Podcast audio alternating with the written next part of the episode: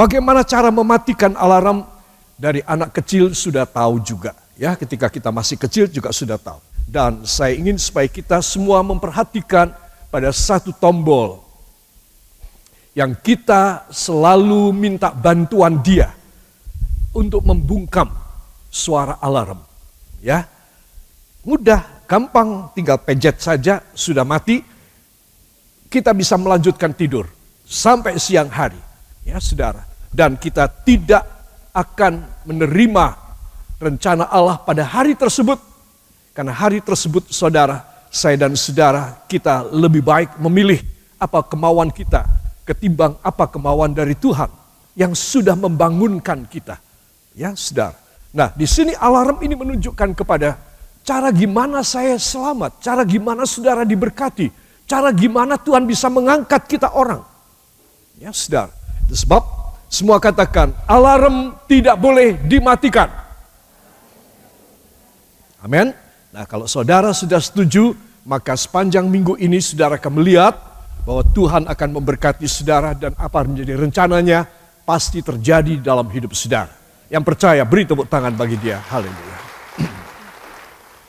Saudara, alarm ini kita matikan. Ya, apa yang membuat alarm dimati? Satu malas. Ya saudara, sudah pasti. Kalau kita malas ya kita akan mati ini tuh alarm, alarm ya. Kita hidup ngoyo. Saya berkata pada diri saya sendiri, saya menyayangi diri saya sendiri, saya self pity, saya katakan kamu sudah tidur, kamu sudah bekerja sepanjang minggu kemarin ini luar biasa kerasnya. Udah sekarang kalau ada alarm bunyi matiin aja. Kamu tidur terus saja. Ya. Karena saya hidup ngoyo. Ya, saudara, itu sebab saya merasa saya perlu istirahat, saya merasa perlu mendapat sesuatu teken prestasi ataupun sesuatu sesuatu penghargaan pada jeripayah saya. Nah, itu sebab saya mematikan alarm. Suara roh kudus saya matikan. Saya berkata, Tuhan tidak saya mau ke duniawian sebentar. Ya, jangan kasih alarm lagi. Saya matiin itu alarm. Ya, sudah. Yang ketiga, Fata Morgana.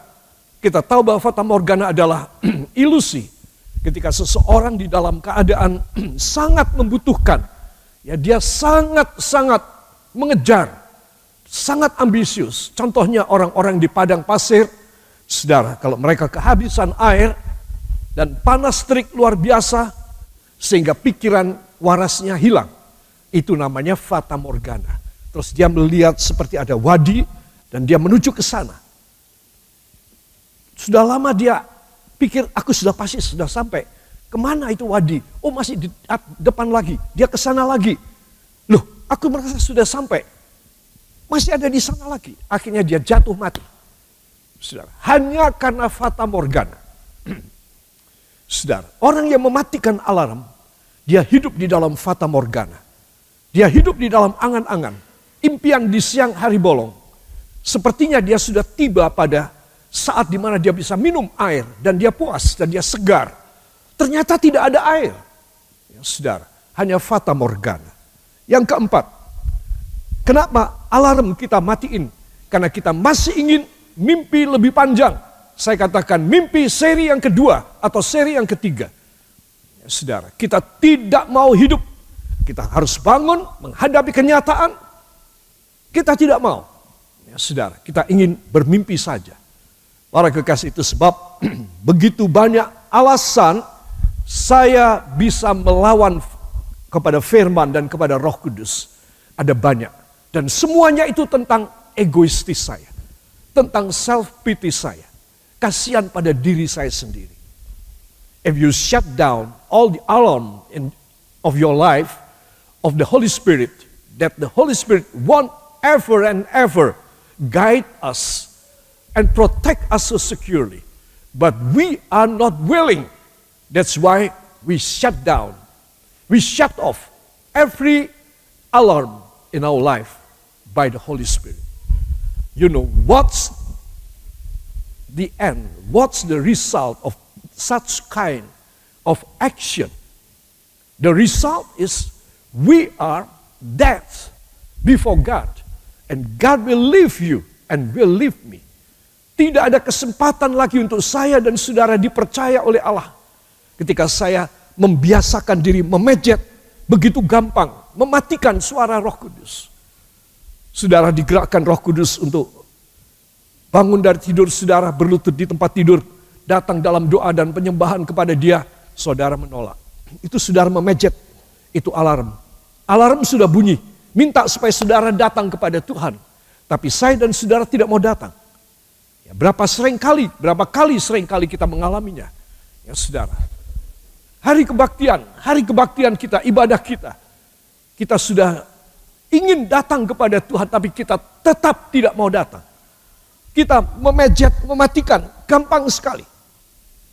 Apa saudara? Gampang sekali. Apa saudara? Gampang sekali. Saudara. Dan kita tidak jadi kebaktian.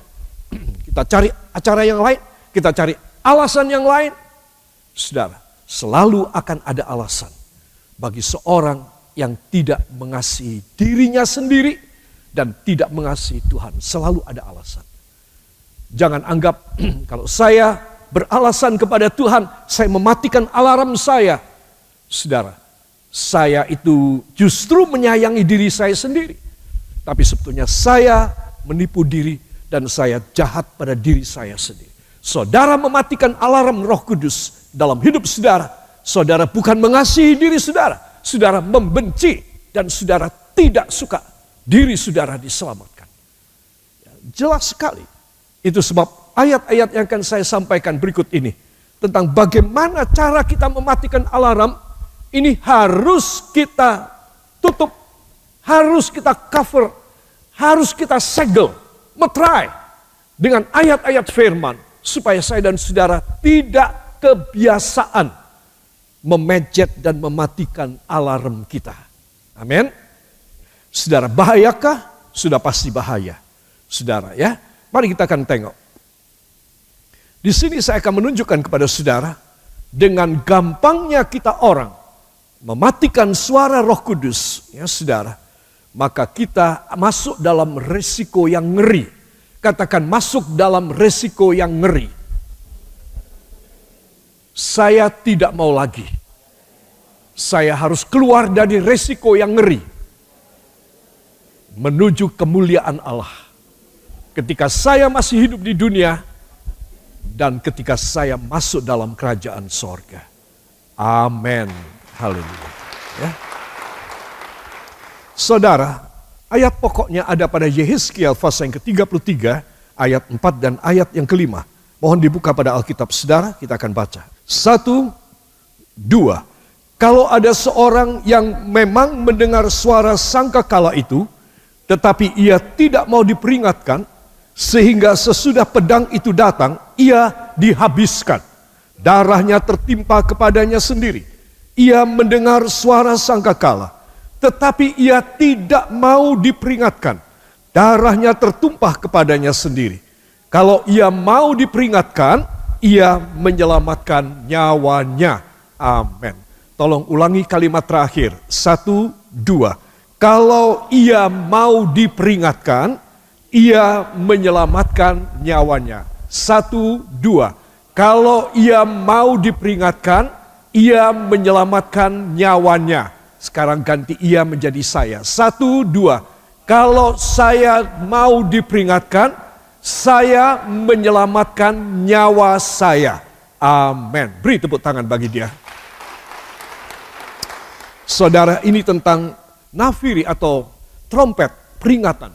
Ya, saudara, kita sudah melihat dalam kitab bilangan pada hari Minggu kemarin, Musa disuruh oleh Tuhan memerintahkan tukang perak dan tukang emas membuat dua trompet, dua nafiri, ya tanpa tuts, dua nafiri yang panjang dan dari solid silver, dari perak yang yang yang solid, yang utuh. Saudara, bagaimana caranya bikin? Itu harus ada lubangnya. Ada mulutnya untuk bisa ditiup. ah, itu sulit sekali. Pasti sulit sekali. Ya saudara. Tetapi Tuhan memberi hikmat kepada tukang-tukang perak dan emas untuk mengerjakan sehingga dua ini dalam tempo beberapa hari selesai. Bagus sekali. Berat sekali. Tiupannya mantap sekali dan bisa sampai jarak jauh. Ya, Saudara. Nah, Dan kita sudah melihat pada hari minggu kemarin saya memberitahukan, nanti saya akan ulangi sedikit. Bahwa apa tugasnya ini trompet, alarm. Yaitu supaya siapa yang mendengar bunyi trompet ini, mereka segera siap. Supaya jangan sampai mereka dimakan pedang. Artinya mereka dibunuh oleh lawan. Gara-gara mereka tidak siap. Itu sebab mereka harus siap. Mereka mempersenjatai diri. Ya saudara dan lain sebagainya dan mereka akan selamat. Karena mereka mau diperingatkan. Tapi ketika ada nafiri dibunyikan, mereka tetap tidur, mereka tetap makan dengan santai, mereka tetap having fun di luar kemah mereka, dan mereka tidak mau angkat senjata, mereka tidak mau segera bersiap untuk menyelamatkan diri dan keluarganya. Mereka pasti akan dimakan pedang, kata Alkitab. Dan siapa yang salah? Yang salah mereka sendiri mereka harus menanggung darahnya sendiri. Jadi alarm ini akan membuat saya dan saudara lepas dari tanggung jawab darah kita sendiri. Artinya kita bakal diselamatkan. Amin. Katakan, bila saya memperhatikan alarm, saya akan diselamatkan. Tidak masuk dalam neraka. Ya, Siapakah mereka yang masuk neraka? Salah satu penyebabnya adalah mereka yang mematikan alarm. Mereka harus menanggung nyawa mereka sendiri. Artinya darah Yesus, pengorbanan Yesus di kayu salib tidak berguna bagi orang ini.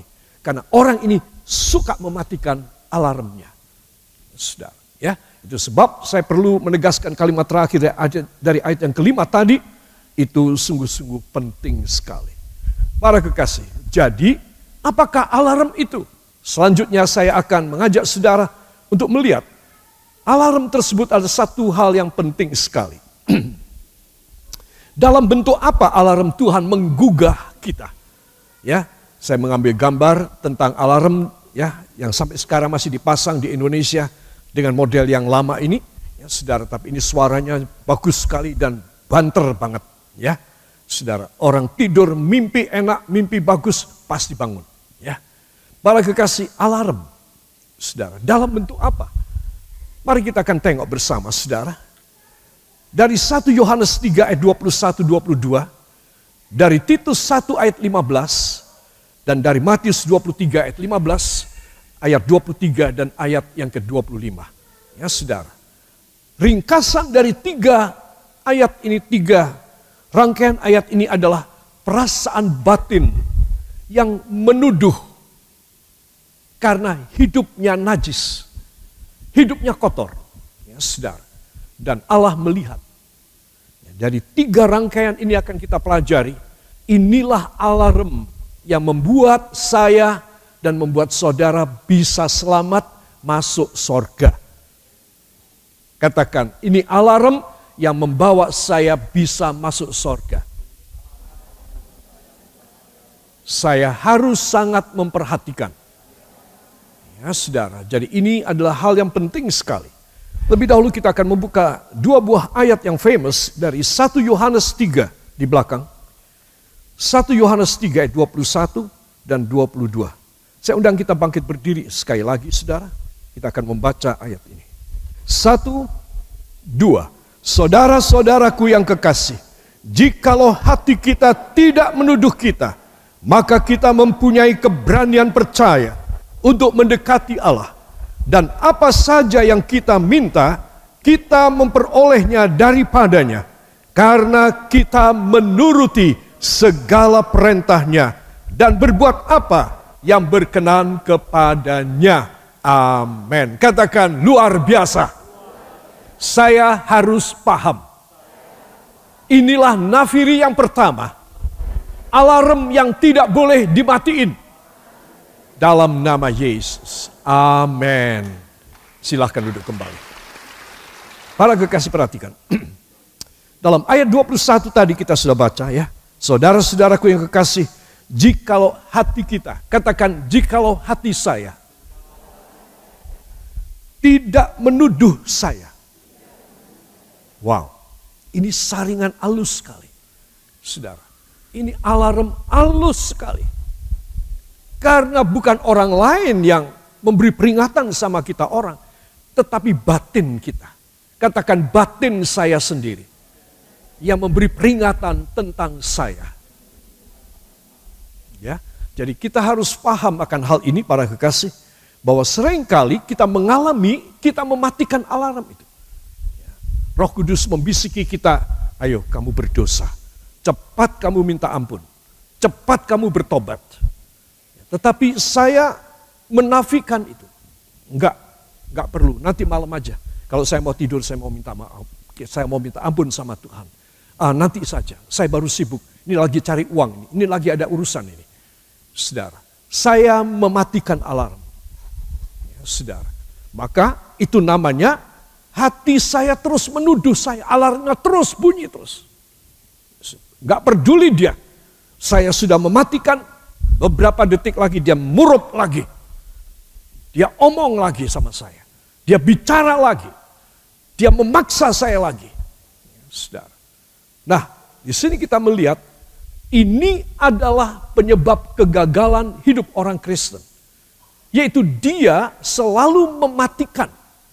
Dia pikir kalau aku sudah pejet, nggak bunyi lagi.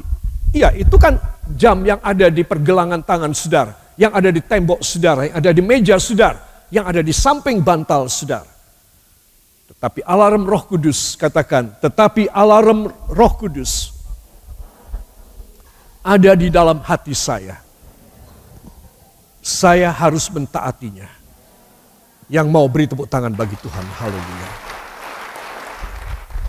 Bila seseorang mau mentaati, saudara, maka ada hasilnya. Ayat 22 mengatakan, maka apa saja yang kita minta kepadanya, teruskan, kita akan menerimanya karena kita menuruti segala perintahnya dan melakukan apa yang berkenan kepadanya. Beri tepuk tangan bagi Tuhan.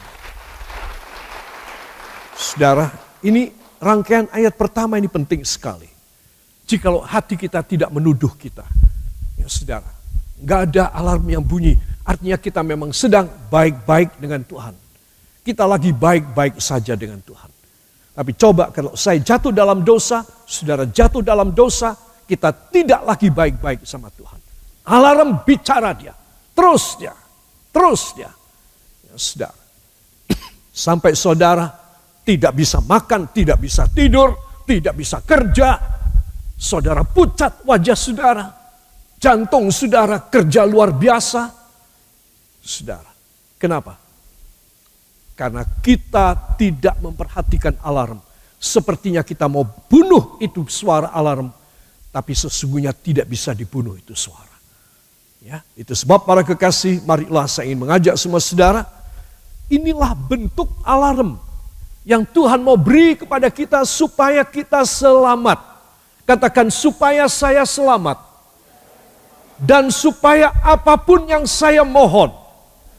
Saya menerima dari Bapa. Karena alarm ini. Saya peka. Dan saya taat. Beri tepuk tangan yang baik bagi dia.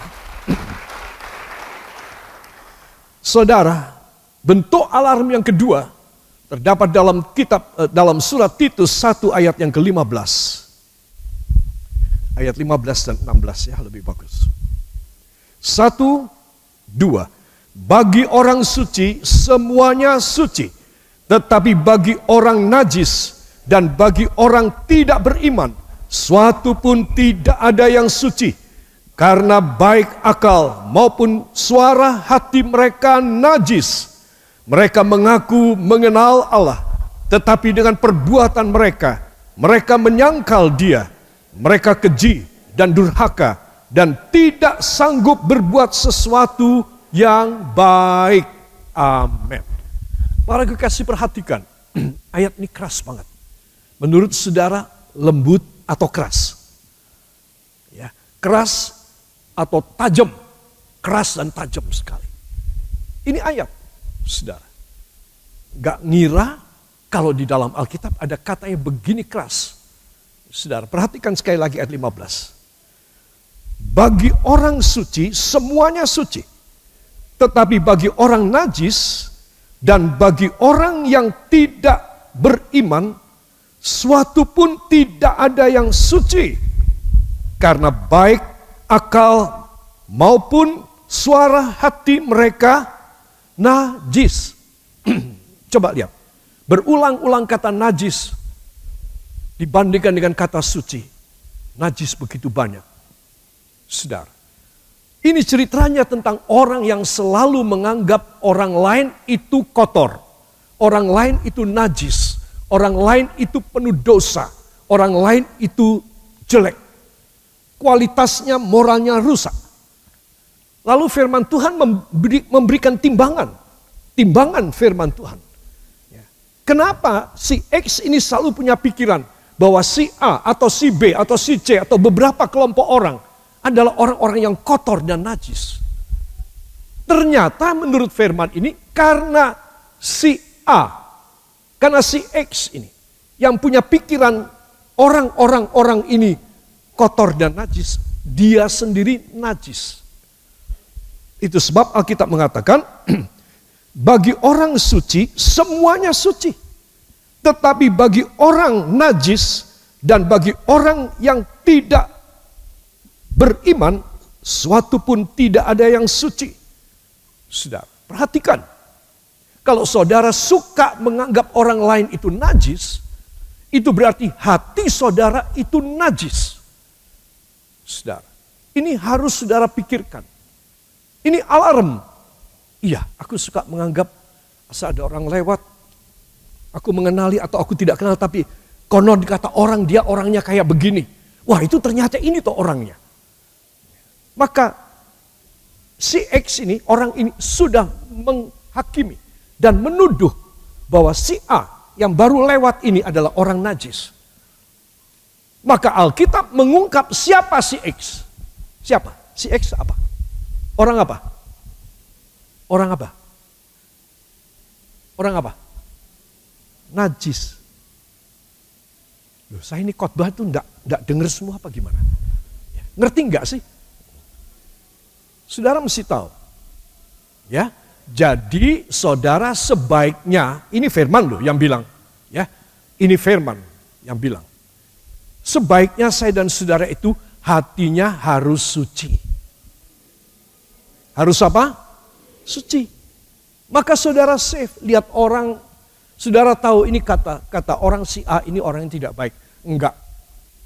Aku enggak ada urusan dengan si A. Aku punya pikiran positif tentang si A. Wah, saudara, engkau dimuliakan oleh Tuhan. Engkau mempunyai hati nurani yang baik. Bukan hati nuranimu tidak najis. Kalau hati nurani saudara najis, semua orang saudara akan anggap najis. Dan saudara tidak tahu benar najis apa tidak. Tapi saudara sudah kasih segel, kasih metre, cap, najis kamu. Saudara, perhatikan, inilah yang membuat seseorang dimasukkan dalam hukuman kekal di api neraka. Karena bagi dia semuanya jadi najis. Kenapa? Bukan orang-orang ini najis, tapi karena dia sendiri najis. Nanti ada orang bisa bisik antara dua uh, wanita dan pria, dua jenis kelamin yang berbeda, bisik-bisik. Ya. Saudara melihat, saudara X melihat, ini mereka mau kencan ini, mereka mau nyeleweng ini. Nah, saudara. Baru mereka berdua ini baru bisik-bisik. Ya baru bicara apa saudara tidak tahu. Tapi saudara dari sana sudah menganggap ini mau berjinah nih dua orang ini. Maka Alkitab mengatakan memang saudara najis pikiran saudara. Ya. Itu sebab saudara mesti tahu. Ini sesuatu hal yang sensitif sekali yang bisa apa pun yang saya lakukan, korban uang sebegitu banyak, karya dan kerja saya sebegitu banteng tulang. Sudah, semuanya hilang, plus hilang. Saya mati, masuk neraka. Cilakakan saya. Gara-gara apa? Hati saya. Hati saya najis. Saya menganggap semua orang yang bisa bisik, yang jalan bareng, yang uh, apa yang berbuat baik kepada seseorang itu semata-mata najis. Saudara. Jadi saudara mesti tahu alarm itu adalah hati nurani saudara. Supaya apa? Supaya saudara selalu mengosongkan hal yang kotor. Semua parameter dan paradigma duniawi dan dosa yang sudah sempat masuk pada otak saudara. Masuk dalam hati saudara. Dalam batin saudara. Itu harus disucikan. Makanya saya bilang perasaan batin yang nuduh. Karena hidupnya najis. Tuhan tuh ngeliat. Tuhan melihat enggak? Halo, Tuhan melihat apa tidak? Jangan lupa ada ayatnya, aku tidak melihat rupa orang. Teruskan. Tetapi aku melihat hati orang. Cilaka lu. Ya, itu sebab saya dan saudara kita harus tahu. Seseorang dia ditimbang oleh Tuhan bukan dari dia punya penampilan. Bukan dia punya judgment dan dia punya dan dia punya penilaian penghakiman terhadap orang lain. Tidak. Semakin banyak saudara menghakimi orang, menilai orang lain, semakin banyak dosa saudara. Itu sebab Titus, salah satu anak rohani daripada Paulus, menasehatkan kepada kita semua, supaya kita takut dan gentar kepada Tuhan.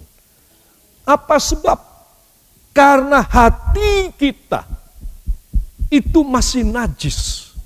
Sehingga kita melihat apa pun dengan periskop, dengan lensa, dengan teropong yang najis. Satu titik saja pada kaca lensa, tidak usah pada lensanya, pada kaca pelindung dari lensa teropong saudara. Satu titik saja. Sudah menyebabkan pemandangan siapa pun orang yang saudara teropong, semua cacat, semua cacat. Apakah orang itu yang harus disucikan, dibersihkan, atau teropong saudara yang harus dibersihkan? Teropong saudara yang harus dibersihkan. Dilap. Siapa yang bawa kaca sapu tangan, kacamata? Siapa yang bawa sapu tangan? Tolong dikeluarin sebentar. Ayo, ini penting.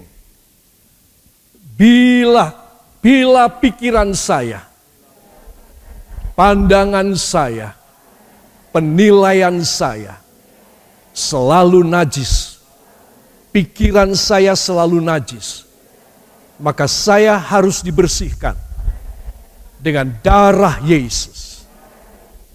Ayo, gini, tangannya ini. Ya, ini dibersihkan. Teropong saudara, hati saudara, pikiran saudara, ya, otak saudara itu harus dibersihkan. Supaya otaknya tidak kotor. Kalau otaknya kotor, semua kotor. Orang lihat, saudara lihat apa pun kotor semua. Tapi seorang yang kudus, sekarang tisunya bisa dilipat lagi. Tapi orang yang kudus, pikirannya bersih. Dia tidak suka menuduh orang, dan dia tidak suka menghakimi orang. Saudara, kenapa? Karena dia takut kepada Tuhan. Dia punya alarm terus-menerus berbunyi. Begitu dia mulai najis, begitu dia mulai kotor, begitu dia mulai berdosa, najisnya, dosanya mendatangkan alarm. Segera dia datang dan dia minta ampun kepada Tuhan. Tuhan biarlah darah anak domba Allah menyucikan hambamu. Persis, putih bagaikan bersih. Putih bagaikan salju, putih bagaikan bulu domba. Bersihkan pikiran hamba, hati dan jiwa hamba, batin hamba, rohani dan jasmani hamba. Wah, saudara, Tuhan akan turun tangan dan menyuci saudara seperti tadi, bersihkan. Lain kali saudara melihat orang positif semua. Saudara. Dengan saudara menganggap orang positif, Tuhan tidak bakal menjatuhkan hukuman kepada saudara. Tapi dengan menganggap dan menilai orang negatif, Tuhan mempunyai alasan untuk menghukum saudara. Sebab ini satu hal yang penting sekali dan ini harus saudara ketahui. Katakan saya harus paham supaya hati saya sendiri tidak najis, tidak kotor, supaya hati saya berkenan kepada Tuhan. Darah Yesus selalu mencuci putih bersih, bagaikan salju, bagaikan bulu domba. Amin. Haleluya.